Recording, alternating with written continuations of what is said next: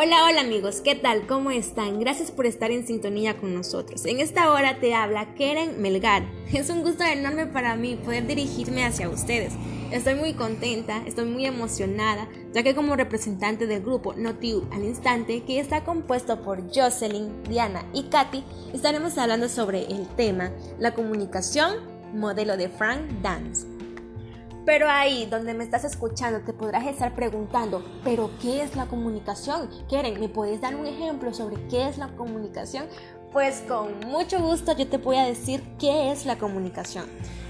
Es el intercambio de información entre el emisor que transmite a un receptor por medio de un canal.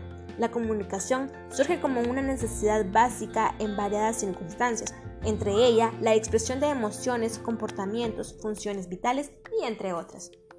Y sí, sabemos de que en la actualidad existen muchas formas de comunicarse, así como vos y yo nos estamos comunicando en estos momentos. Yo te estoy hablando y tú solo me estás escuchando.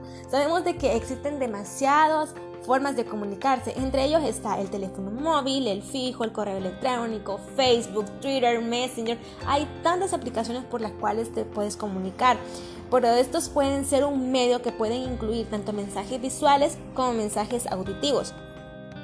La comunicación es un medio que los seres humanos utilizamos en nuestro diario vivir, como por ejemplo está el área virtual y está el área presencial. Un ejemplo, cuando tú llegas a casa de trabajar o de estudiar o de hacer cualquier tipo de cosas, eh, ¿qué es lo que haces? Llegas y saludas a la familia. Entonces es una forma de comunicarte así presencial. Pero ¿a qué nos referimos cuando hablamos en el área virtual? Están muchas redes sociales que creo que es una de las que más utilizamos. Por ejemplo, Facebook, eh, está WhatsApp, está Instagram. Tú solo llegas y tienes un familiar en los Estados Unidos y le escribes un mensaje y ¡pum! le cae en el instante. Entonces también esa es una forma de comunicarse. Pero yo sé que también te has de estar preguntando, Keren, ¿pero qué es el modelo de Frank Dance? Pues en esta hora te voy a decir, el modelo de Frank Dance es llamado modelo espiral o modelo helicodal.